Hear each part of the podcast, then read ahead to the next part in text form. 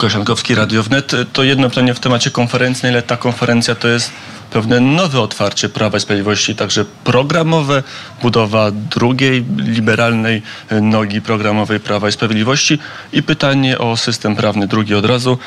Wczoraj na ten Radio Wnet pani prezes Przyłębska mówiła, że jest otwarta na rozmowy w kierunku pewnego resetu konstytucyjnego, na ile także pan prezes, pan premier są otwarci, że tutaj może rozmawiać. Pan prezydent o tym mówił o tym wicemarszałek Krzysztof Bosak.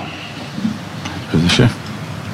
Znaczy, ja musiałbym wiedzieć więcej na temat tego, co to określenie reset konstytucyjny oznacza. Konstytucja obowiązuje, literalnie obowiązuje, to znaczy jej interpretacja ta pierwsza mm, i zwykle zupełnie wystarczająca, no to jest interpretacja językowa, literalna. No, druga, którą można zastosować, jeżeli pierwsza jest niewystarczająca, no to jest systemowa.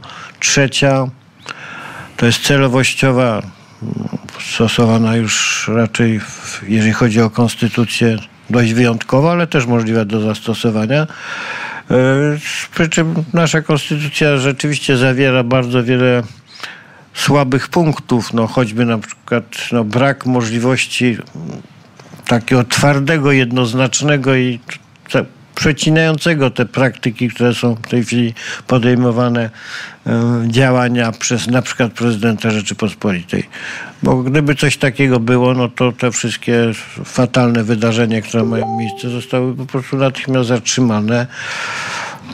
No i być może konstytucja zawierałaby też na przykład nakaz zmiany rządu w tej sytuacji, czy rozwiązania parlamentu. No nie wiem, mogło być różnie. Tego rzeczywiście braknie i my będziemy dążyli kiedyś, kiedy znów przejmiemy władzę, żeby ta nowa konstytucja, bo tak właściwie przestaje obowiązywać. No to jest to tak zwane odwyknienie, tak to się mówi w prawie, e, bo praktycznie jest tak już łamana, że można mówić o jej nieobowiązywaniu.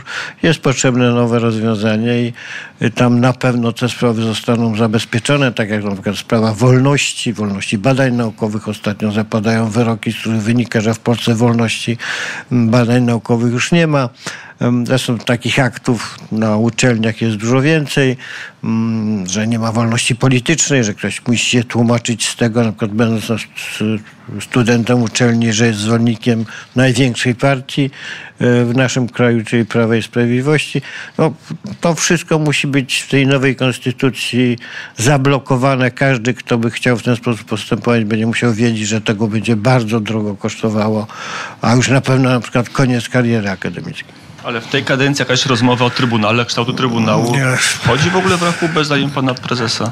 Znaczy w tej kadencji będzie wybór no, bardzo znacznej części składu Trybunału, no bo kończą się kadencje. No, choćby pani prezes Przyłęcka kończy kadencję przy końcu tego roku. E, No i zwykle większość wybierała mm, kolejnych sędziów i my tego nie kwestionujemy.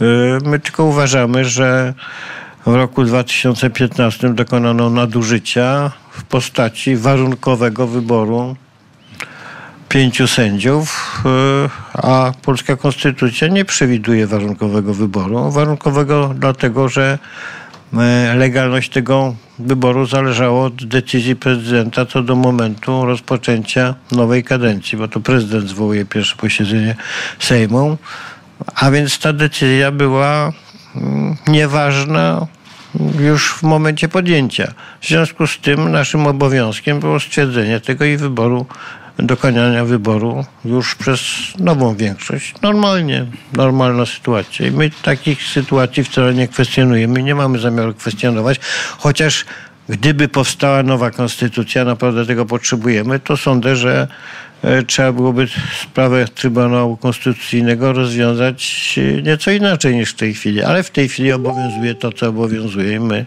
mm, to szanujemy.